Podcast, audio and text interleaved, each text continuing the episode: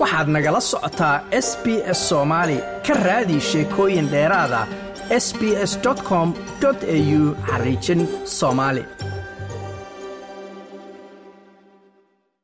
culaysyada dhanka degaanka ee waddanka austreeliya ayaa waxa ay gaadheen heerarkii ugu adkaa sannadkan labada kun iyo labaatan iyo saddexda iyadoo ay jiraan in haatan ay qarsoomayaan ama la waayi doono guryaha iyagu kiradoodu ay aadka u fududayd ee dadka dakhligoodu hooseeyo ama dakhligoodu u dhadhaxaadka yahay ay heli jireen dowladduna ay kabi jirtay.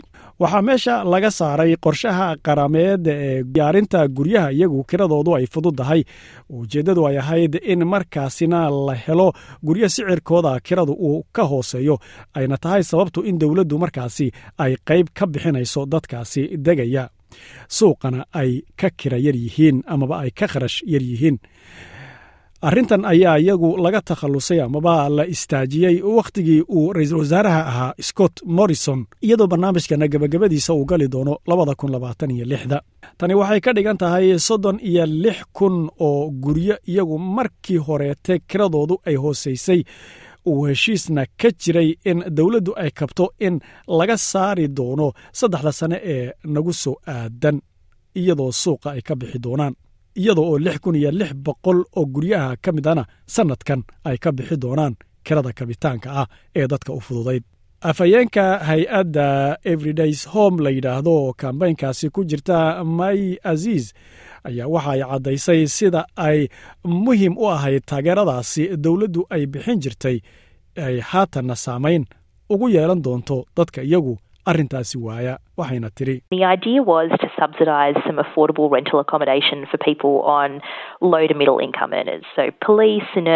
fikraddu waxa ay ahayd kabidda degaanada kirada ah qaarkood siciro iyagu markaasi laga bixi karo oo macquula dadkana la siinayo dakhligoodu hooseeya ama dhadhaxaadka uu yahay.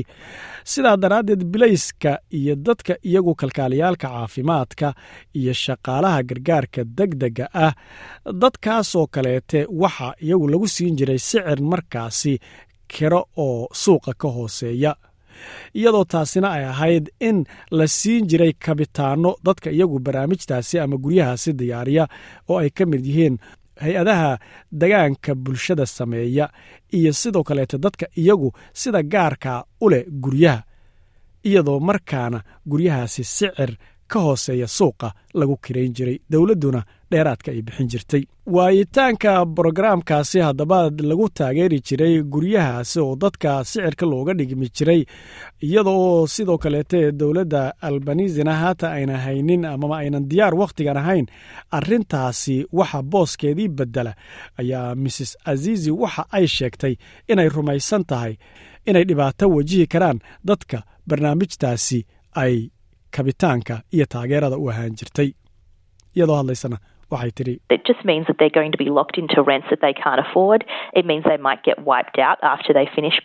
taasi waxa ay ka dhigan tahay in ay dadkaasi gali doonaan ama ay ku ciijismi doonaan. kirooyin aynan iyagu markaasi awood u lahayn waxay ka dhigan tahay in laga yaabo inay foodda saaraan arrin markaasi dhibaato ah. Kadib marka ay ku lafajabaan kira ayna iyagu awoodba u lahayn. Taasina waxay ka dhigan tahay in ay suurtagal tahay in aynan helaynin kirada markay iska bixiyaan waxa ay biilashii kale ku bixin lahaayeen.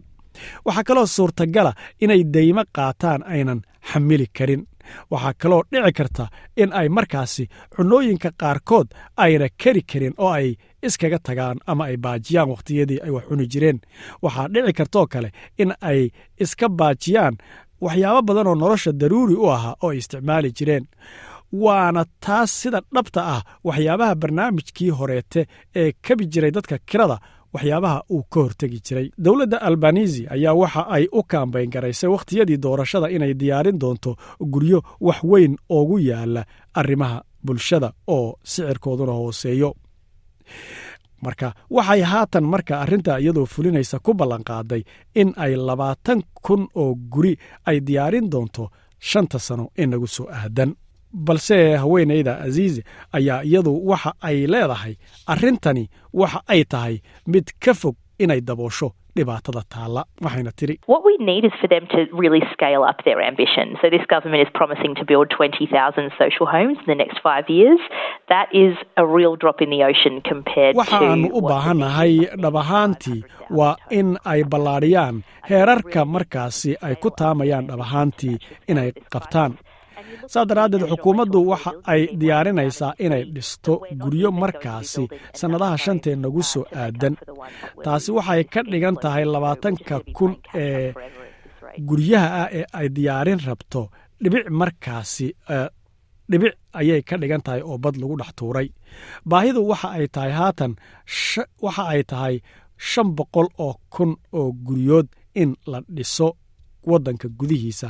Sidaa daraaddeed dhabtii waxaan u baahannahay in la ballaadhiyo heerarka markaasi si loola socdo dhibaatada baaxaddeeda.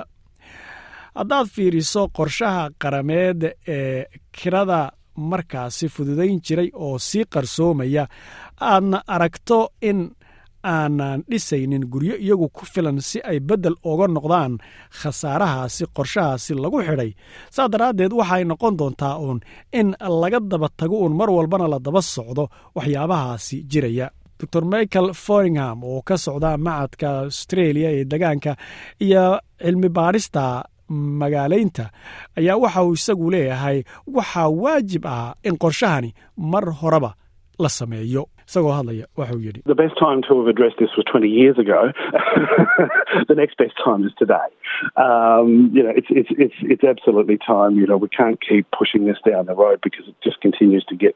wakhtiga ugu degdega badan ee qorshahan in la sameeyo ay ahayd waxay ahayd labaatan sano ka hor in la qabto wakhtiga xigay ee habboonaana waa maanta wakhtigu haatan waa diyaar waa taagan yahay suurtagal ma ana in arrinkan aan kolba horay isa sii dhaafinno uun haatanna xaaladdu waa ay ka sii daraysaa. Waxaan wajahaynaa dhibaatooyin waaweyn oo ku saabsan gurila'aanta iyo awoodla'aanta xamilitaanka kharashaadka degaanka ee waddankan.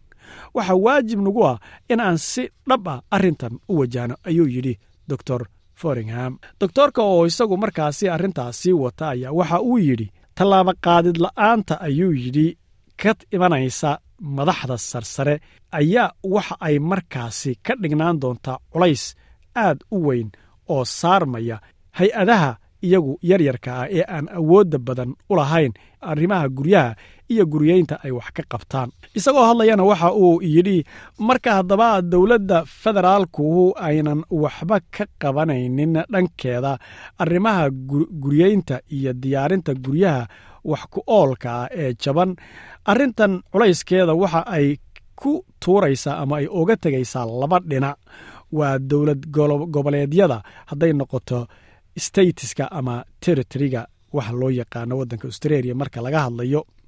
Iyadoo markaana sidoo kaleetana qaybta labaad ay dusha ka saaraysana ay tahay hay'adaha iyagu ama waxa loo yaqaano qaybta community housingka labada dhinacba marka la fiiriyo dadaal badan ayay sannadahan qabteen balse taasi ma ku fillo baaxadda dhibka yaalla.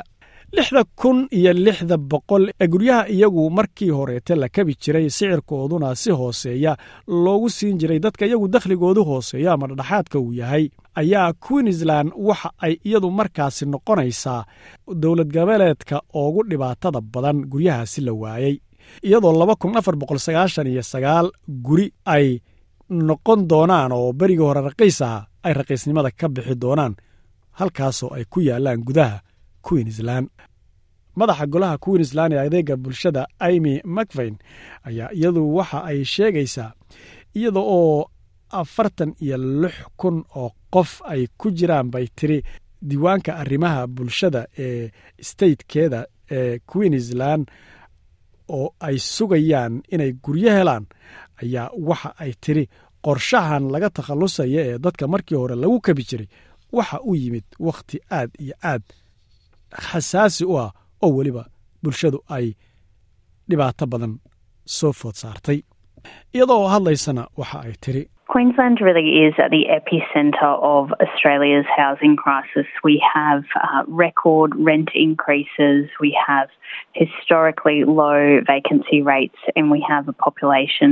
queensland waxa ay noqotay xudunta dhibaatada degaanka australia waxaana jira koror fara badan oo heer qiyaasa gaaray dhanka heerarka kirada waxaana jira guryo iyagu aad u yar oo ah guryaha diyaarka ah ee la degi karo. Taariikh ahaanna sida ayay ahayd. Waxaana jira tiro degaan oo aad u fara badan oo iyagu sugaya kuna jira diiwaanka degaanka bulshada iyadoo sannado badanna ay sidaa ugu jiraan. Waxa oogu dambeeya ee markaabay tiri aan u baahannahay wakhtiga dhibaatadiina ay taagan tahay inaan aragno in aanu aragno iyada oo laga takhallusayo amaba la tuurayo taageeridii dadka la siin jiray ee guryaha la siin jiray sicirkoodu amaba kiradoodu ay hoosayso. Taasoo ka dhigan in arrintani wakhtigan aynan ahayn mid habboon in la arko.